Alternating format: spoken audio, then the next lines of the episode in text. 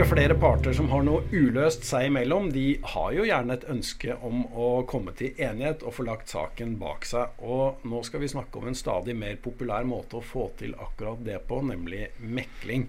Gjestene i dagens episode av Help-podden er Angela Ascher og Vebjørn Hurum fra Mekle. Og Angela, Mekle, hva er det? Jo, Mekle, vi er nyoppstartet i Norge. Vi er en samling engasjerte, sertifiserte meklere som tilbyr en annen måte å løse tvisten på, som du var inne på, enn det som advokater gjør, og sånn som vi løser tvister eh, tradisjonelt i Norge. Mm. Hva slags eh, type kurs går du gjennom for å bli mekler? Jo, vi eh, gjør det på ulikt vis. I Norge så har vi en egen sertifiseringsordning som Advokatforeningen står for. Så man går på det som kalles for Meklingsakademi og får en sertifisering der. Eller så finnes det også ulike internasjonale sertifiseringsordninger som vi også tenker at gjør deg til en god mekler. Mm. Ja. Eh, Vebjørn Hurum, eh, også fra Mekle. Eh, hva slags bakgrunn har du? Eh, jeg har bakgrunn fra, både fra forretningsadvokatfirma, eh, hvor jeg begynte etter studiene, og så har jeg da, før jeg begynte i Mekle, eh, vært to og et halvt år i domstolen.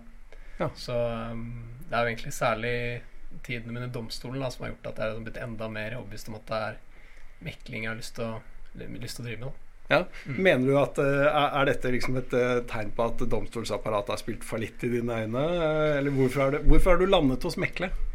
Nei, det er vel mer ja, det, kan, det kan du si på et vis, da. Um, det er jo litt det at um, min erfaring, eller om det er en generell erfaring, eller om det er min personlige erfaring, vet jeg ikke. Men uh, jeg opplevde ofte da, som, uh, som dommer at uh, løsningene ble litt for svart-hvitt. Uh, og at det var mer i, i, meklingsrommet at jeg gikk hjem fra jobb og tenkte at ok, i dag Den, den måten vi løste denne konflikten på, uh, ble en god løsning da, for partene. Mm.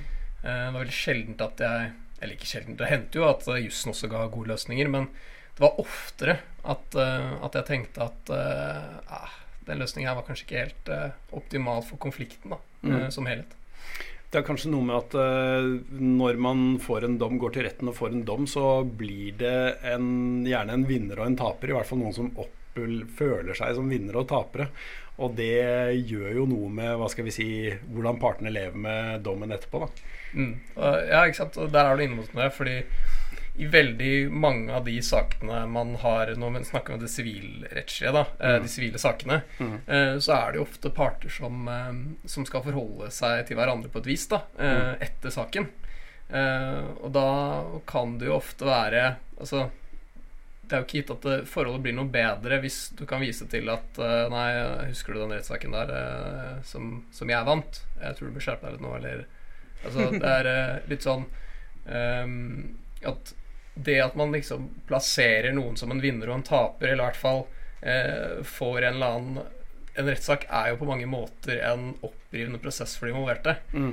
Så at, eh, det er jo ikke seg selv noe jeg ville anbefalt folk som ønsker å få, få et bedre forhold. Nei. Men, men du kom jo rett fra en uh, mekling nå, uh, ja. som ble forlikt, uh, forstår jeg? Ja, riktig. Ja. Hva slags type sak var det? Eh, det var eh, ektefelleskifte, da. Altså det vil si at det var to, to som eh, ja, skal skille lag. Ja. Og så skal man da bli enig om fordelingen da, av ja. verdien. Økonomien. Ja, økonomien. Ja. Nemlig. Eh, hvordan forbereder man seg på en, når man skal mekle en sånn sak? Nei, jeg vet ikke om du tar først, Angela. hvordan du gjør det. Jeg kan i hvert fall for min egen del, Så um, pleier jeg altså det sier seg selv at man får, man får en overblikk over saken, se hvilke verdier som er i bo osv., og, så videre, og ja. sette seg inn i liksom hovedtrekkene i argumentasjonen til partene. Da. Mm. Eh, nå er det sånn eh, Når vi eh, får inn sakene i Mekle, eh, så er det jo ofte ikke advokater som skriver lange prosessker osv., men vi får en, får en mer sånn Kall det punktvis, da. redegjørelse fra partene. Mm. som er kanskje Altså Som bærer ofte litt preg av kanskje at det ikke er skrevet advokater også. Mm. Sånn at uh, sånn sett så får vi uh, kanskje ikke så mye å jobbe med som man er vant til, i hvert fall som jeg er vant til fra domstolen. Mm. Uh, så sånn sett så tenker jeg at um, forberedelsen blir nok kanskje noe kortere for oss enn sammenlignet med domstolen, hvor vi har litt å spille på. Og så må man jo eh, ta en, som vi har det, tar en plantelefon med partene. Eh, hvor man da eh, får litt mer sånn eh, avklaring da, knyttet til hva som er liksom Ja. tvistens kjernepunkt. Er det en fordel, Angela, at, eh, at mekleren kan jussen? Ja, det tenker jeg absolutt at det er. Uh, og som Vebjørn er inne på, så er det jo de aller fleste saker hos oss mekles uten at advokat er til stede. Advokatene er absolutt velkomne, men eh, stort sett så ønsker partene også å, å møte uten advokat. Og det vi jo da gjør, er jo at vi passer på at meklerne hos oss har en bakgrunn som passer til saken, og kompetanse på det feltet. Og så hjelper vi også partene med å forstå litt eh, hva som er gjeldende innenfor det området som det skal mekles på. Eh, og det er jo veldig viktig at mekleren er nøytral. Så vi har jo lagt opp hele prosessen med tanke på at vi eh, skal høre begge parter, og at partene kan få lagt fram det som er viktig for dem. Eh, så når vi da også hjelper de litt med jussen, så gjør vi det på en generell måte for å bevare nøytraliteten. Så hvis vi ser på en måte f.eks. Nå snakker vi om ektefellesaker. da. Hvis vi ser at den ene eh, på sitt språk antyder at her tror de at de har et skjevdelingskrav, så kan vi si noe innledningsvis om hva som er reglene for det.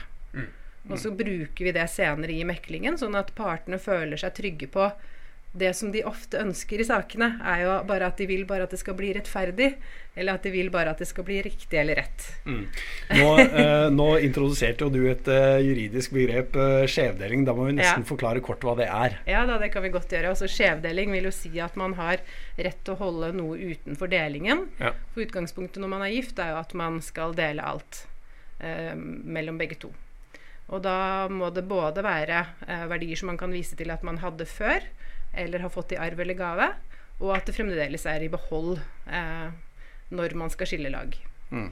Så da må vi hjelpe dem med å forstå det. Eh, og så skal vi passe oss for at vi ikke skal være juridiske rådgivere, men vi skal hjelpe parten med å finne en løsning som er riktig for dem.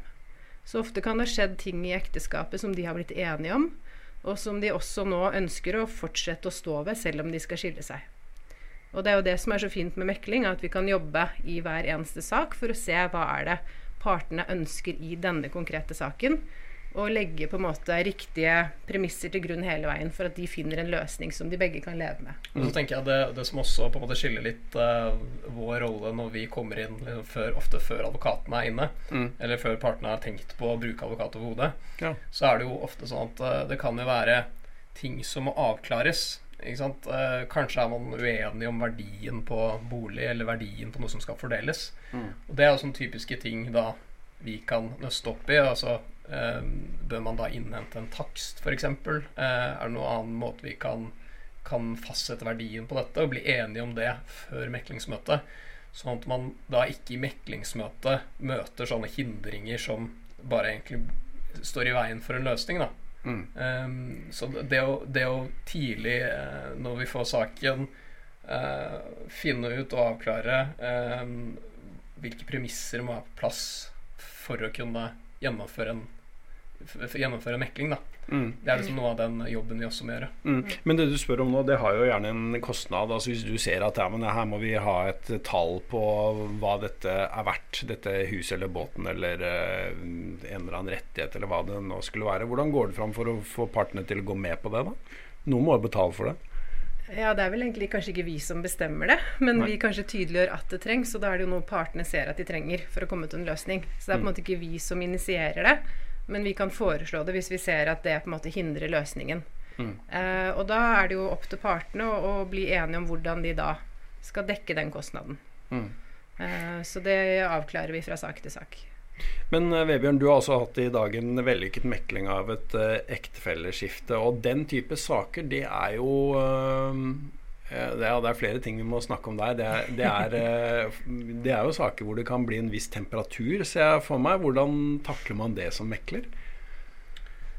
Det tenker jeg at uh, det aller viktigste uh, som mekler der, er jo å, å lytte og la, la, la parten få lov til å komme med den frustrasjonen. Eh, og så er det jo litt sånn eh, hvilken kontekst man er i, da. Eh, i, er man i et fellesmøte først, eh, og det blir litt temperatur, så kan det jo være en vurdering om man tenker at ok, skal man bryte inn som mekler og splitte opp i særmøter, fordi det er ikke noe konstruktivt, det som nå meldes. Mm. Eh, samtidig så kan det også ha en egenverdi, det at man bare At partene rett og slett bare får, får utløp, da, også foran den andre. Eh, og rett og slett bare får ut det som de kanskje har eh, hatt inni seg i lang tid. Mm. Eh, så det tenker jeg er litt sånn avhengig av hvordan man håndterer det, er avhengig av litt hvordan man opplever oppleve utbruddene, om, om, det er fordelaktig. Da. Mm, så helt konkret så starter du i praksis uh, med partene samlet, og så ser du litt hvordan det utvikler seg uh, når tiden er inne for å ta en, uh, ta, lite, ta en liten pause og gå hver for seg. Og så løper du imellom, da, eller? Ja, eller eh, jeg tenker at um, jeg, ser, jeg, ser han ok, Alltid så har jeg et følgesmått uh, først, i hvert fall som klare hovedregler. Jeg har hatt tilfeller også hvor man bare vet at dette, dette må rett i særmøter, for her er konfliktnivået mm. skyhøyt. Mm. Um, men som regel så er det, opplever jeg at det å bare ha en litt sånn feeling innledningsvis først uh, kan være nyttig. Mm. Uh, også fordi at, uh, ja, som jeg nevnte, at man kan få litt sånn utløp for ting man kanskje har sittet inne med. Ja. Så. Men hvordan det, ja, Jeg har bare lyst til å si det går litt flere veier, dette. Fordi vi, vi, ser jo at partene er veldig forskjellige og har ulike behov. Og, og som mekler så har vi også på en måte en etisk plikt å passe på at balansen er riktig mellom mm. dem. Eh, og det er også det som er så fint med at vi tilbyr digital mekling. Det er jo det at eh, det kan skape en eh, Eller hjelpe partene med å holde en viss distanse. Sånn at det ikke på en måte Det som vi snakker om nå, som jeg tenker er viktig og bra, at man på en måte får uttrykke eh, det man tenker på om saken. Og at begge får det, er veldig viktig. Samtidig som vi også skal passe på at begge parter opplever at de er del av en prosess der de føler seg trygge. Eh, og hvor det heller ikke blir for voldsomt, da, hvis man kan si det sånn. Så ved å sitte digitalt hjemme hos seg selv opplever jeg at partene føler at de får mer trygghet i de settingene. Mm. Og så skal eh, partene i saker alltid føle seg trygge på at mekler har kontroll på saken og hele tiden tenker hva er det som er best her vi er i saken nå, og også lytter til hva de kanskje har sagt på forhånd hvis de har noen bekymringer på hvordan møtet kommer til å bli gjennomført. Mm. Og det var, kan det være da i de noen få tilfeller at man sier at i det, denne meklingen skal vi bare ha særmøter, f.eks. For eksempel, fordi den ene har på en måte sagt at det er det de kan klare å håndtere. Men som regel så ser vi at i de eh, meklingene hvor vi kan klare å ha en åpen dialog, og hvor begge parter føler at de kommer til orde, det hjelper de lettere til å komme videre til det å ønske å løse saken. Mm. Og det hjelper de antagelig også enda lenger på vei å føle at det resultatet som kom, er noe de kan leve med som he hele mennesker, på en måte. Og at de ønsker å inngå. At de på en måte føler at de var med på å løse sin egen sak. da. Mm. tenker det, jeg er kjempeviktig. Det er en viktig saksopplysning, da, at de, som du var inne på nå, at i all hovedsak så foregår disse meklingene digitalt. Mm. Ja. Riktig. Jeg vil bare skyte ned en ting der, fordi, eh, og det er knyttet til det med å håndtere følelser og sånn. For det er en, en, et, hva skal jeg si, en ting jeg har opplevd eh, en del ganger i denne typen saker, er jo ofte at det er en sterk og kanskje litt svakere part, og at det er eh, en av partene eh, som føler seg kanskje litt sånn overkjørt. Da. Mm. Eh, og da er min erfaring, eller det, det, jeg har opplevd, er at når man da kommer i særmøter, eh, ofte den svake parten, da, eh, og man har en liksom, samtale, og vedkommende får uttrykt da, det at man føler seg overkjørt, at det i seg selv da har en litt sånn som verdi, da. Eh, fordi man kanskje har følt at man har stått litt alene i denne konflikten, og så kommer det en nøytral tredjeperson som anerkjenner de følelsene man sitter på. Mm. Eh, jeg kan jo også skyte inn for deg som ser eller hører på, at uh, Helps advokatforsikringer de dekker også mekling. Mm. -hmm. og det gjør jo at det tvisteløsningstilbudet som vi har, blir komplett egentlig med deres tilskudd, da, altså mekling. Fordi at du får ubegrenset juridisk rådgivning, og advokater forhandler jo de også i og utenfor domstolene. Men i tillegg så har man altså denne meklingsordningen som er eh, gratis eh, for partene, også for motparten, forresten. Eh, der, men det forutsetter jo at man er villig til å prøve å komme til en enighet. Da. Mm. og den gulroten som ja, I tillegg til alt dere har sagt hittil, egentlig, om at man kan gå videre kanskje med litt mer likeverdig følelse da, etter en mekling enn man gjør hvis man kommer ut, et, ut av retten etter en uh, dom, det er at uh, dette er jo egentlig en fast track til uh, konfliktløsning, er det ikke det, Angela? Jo, jeg satt og tenkte på det nå, om jeg lurte på om du skulle si det som jeg hørte deg si noen ganger, nemlig at det er motorvei til løsningen. Og det, det, tenker jeg noen ganger at uh, stemmer ganske bra. Ja, Da høres det ut som det går lynraskt.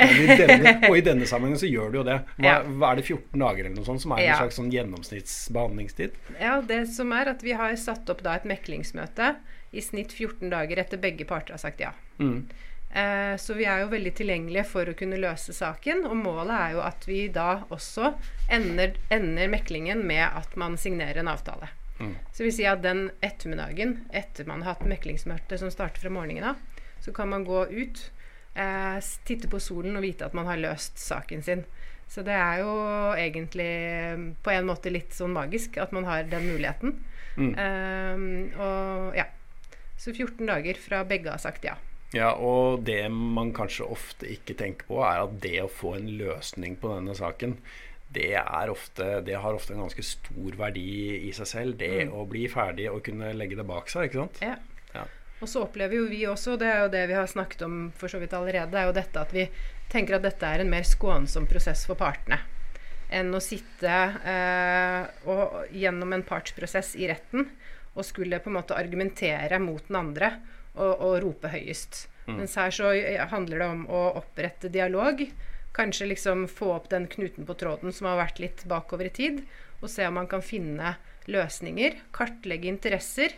Uh, og som regel er det på en måte andre og flere ting inn i bildet som partene gjerne vil ha løst, enn det som en dommer kunne uh, falt ned på som et resultat. Så, ja, fordi det er jo også sånn at uh, en, en, fellesnevner er jo de aller fleste ønsker ikke å stå i konflikt. Ikke sant? Eh, og det gjelder, altså, når vi snakket om privatpersoner, men hvis du tar f.eks. virksomheter da, som, eh, som, er i en lang konflikt med en kunde, eller, de ønsker jo å bruke tiden på mm. kjerne, kjerneoppgavene sine og det de, det de, faktisk skal bruke tiden sin på. Mm. Og det av liksom, digital mekling gjør det, gjør det, mulig at du kan som, koble deg på fra, fra jobben da, og bare bli med i et meklingsmøte på tre timer og prøve å, prøve å lande saken. Mm. Um, og slippe å liksom bruke tid på liksom, kanskje motta deg fri fra jobb, ikke sant. Og ja, uh, det blir mye med ekstra um, tidsbruk da, uh, knyttet til det hvis du må fysisk møte opp et sted, um, enn ved vår, vår, løsning, da, hvor du bare kan Det eneste du trenger, er å,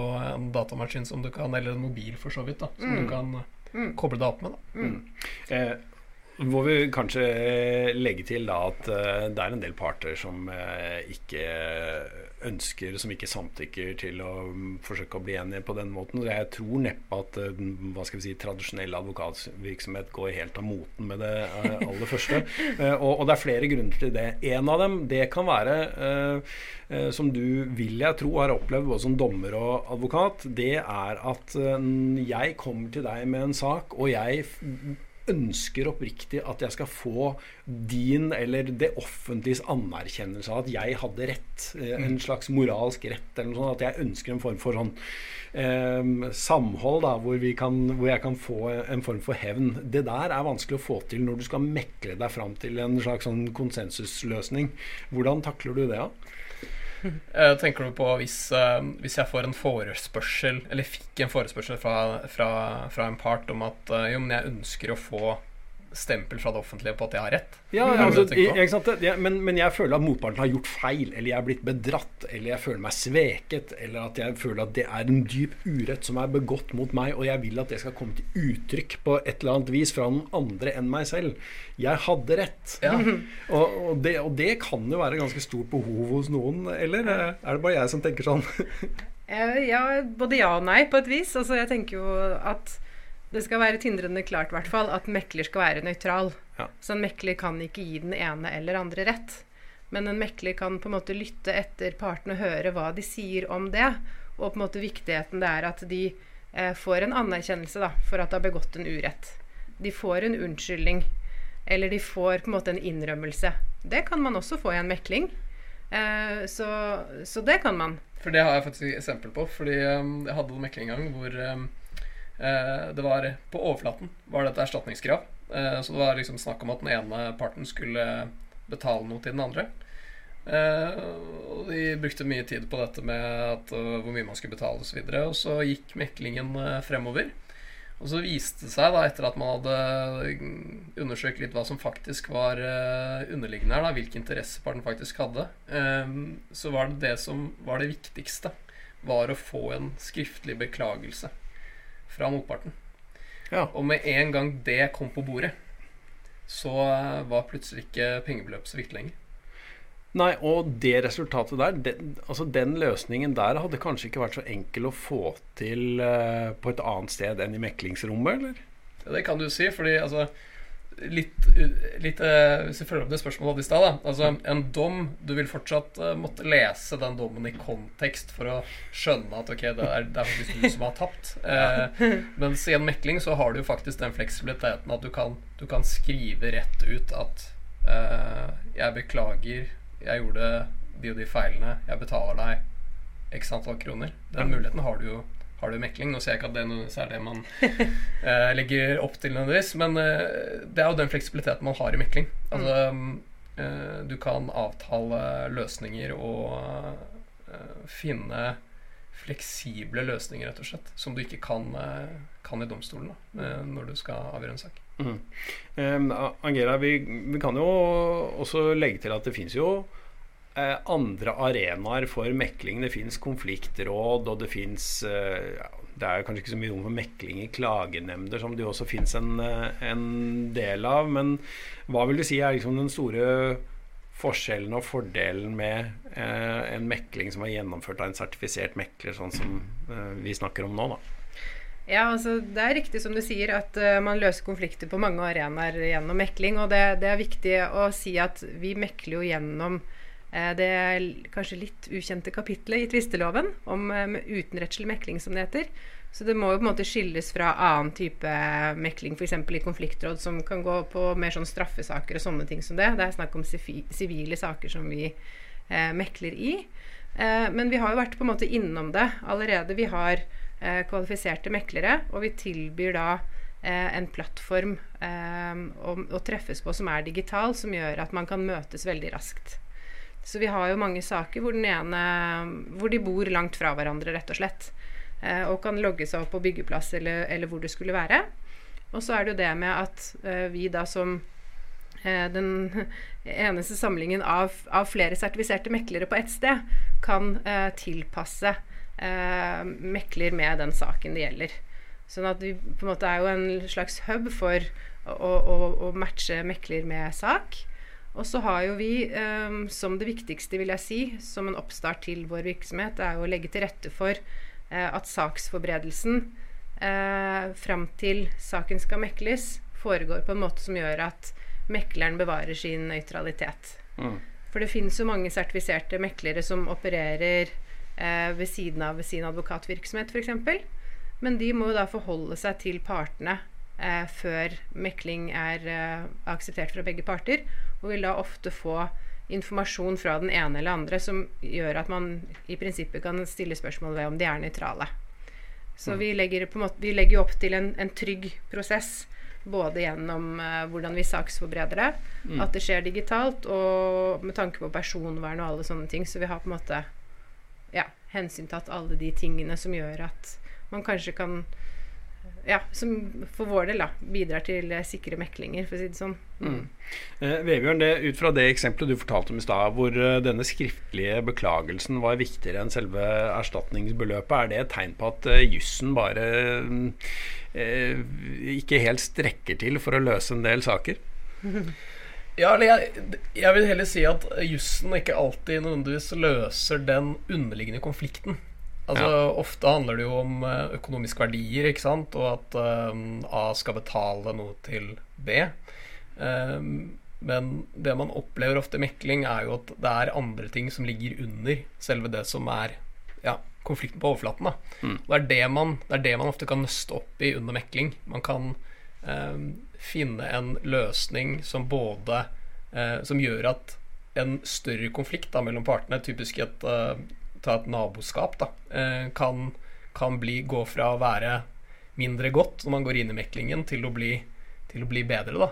Mm. Uh, at man kan snakke litt om det også. At eh, Man trenger ikke å begrense seg til, til løsningene som jussen serverer. Da. Nei.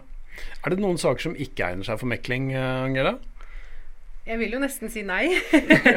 Men det er jo noen forutsetninger der som vi har vært innom. Ikke sant? At det må være frivillig. Ja. Og, og jeg tenker jo det også litt med den typen som du var innom i stad. Han som på en måte vil eh, slå seg på brystet og få rett fra noen. Altså jeg tenker at Hvis du ikke har noen form for forhandlingsvilje, Mm. så kanskje ikke saken egner seg. For jeg pleier å si at man kan ikke gå inn i en mekling og forvente å få drømmeløsningen sin. Eh, men man, det vi skal gjøre, og det som partene skal sammen med mekler, er å jobbe fram en løsning som begge kan akseptere, og det er en seier. Mm. Uh, så man må på en måte kunne se på de to tingene. Mm. Hvis jeg nå uh, ser eller hører dette, og så tenker jeg at uh, jeg, Og har en sak da, som jeg tenker at ja, kanskje, kanskje det hadde gått an å mekle seg fram. Hvordan forbereder man seg når man skal være part i en mekling? Ja, altså vi prøver jo å hjelpe alle til å tenke litt over egen sak. Så det som mm, skjer når man eh, henvender seg til oss, det er at man får, eh, man får eh, stilt noen spørsmål man skal svare på et spørreskjema. Og det er eh, tilpasset den saken som det gjelder, og som på en måte da vil generere nye spørsmål ettersom hva du svarer. Eh, og det er jo en måte å hjelpe partene til å reflektere over egen sak på og forberede seg. Så det er jo den ene delen. Og den andre delen er jo dette med plantelefon, som Vebjørn var innom i sted. At eh, når da begge har svart på disse spørreskjemaene, og mekler har på en måte fått en strukturert, strukturert svar fra begge to, da, Mm. uh, så er det, kan man da gå inn og, og, og saksforberede enda mer ved å undersøke om man f.eks. trenger dokumenter. Eh, vi ønsker ikke så mange dokumenter som man ville bedt om hvis det skulle vært en rettssak.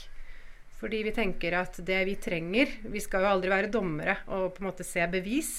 Men det vi trenger, er de dokumentene som på en måte kan eh, skyve usikkerhet eller uenighet av veien. F.eks. hvor mye som sto på en konto. Mm. Eh, men i den telefonen så vil mekler aldri snakke om innholdet i selve saken. Det skal man vente til til selve meklingen. Ja. Så tenker jeg som part, eh, hvis jeg hadde vært part selv i mekling, eh, så tenker jeg at jeg ville reflektert over hva er viktig for meg fremover. Ikke sant? For det er det som på en måte er litt viktig perspektiv i mekling, er at vi skal finne en løsning som du kan leve med fremover. Eh, det er liksom fremt, eh, fremtidsperspektivet. Eh, hvordan vil jeg forholde meg til naboen i fremtiden? Hvordan vil jeg forholde meg til eh, samarbeidspartner? Eh, ikke sant? Ofte er det relasjoner mellom mennesker. Eh, og derfor tenker jeg at istedenfor å låse seg fast til det som har vært saken i Kall det et nøtteskall, tenk litt mer på hvordan, hvordan, hvordan skal vi løse dette? Mm. Det vet du hva, Jeg syns egentlig det var så eh, godt sagt at jeg tror vi rett og slett stopper der. Eh, og jeg håper at du som ser eller hører på, har blitt litt klokere på hva du kan forvente deg hvis, du, hvis noen foreslår at eh, dere skal prøve å mekle dere fram til enighet i en eh, sak en gang. For det er noe av eh, det eh, advokatene her gjør hvis du kontakter Help. Da ser vi også etter muligheten for å kunne mekle fram til enighet eller en på saken din, fordi all statistikk viser at eh, mekling gir et eh, raskt, eh, en rask løsning på en konflikt som for de aller fleste har en stor verdi i seg selv. Eh, tusen takk til Angela Ascher og Vebjørn Hurum fra Mekle, og takk til deg som så eller hørte på Help-podden.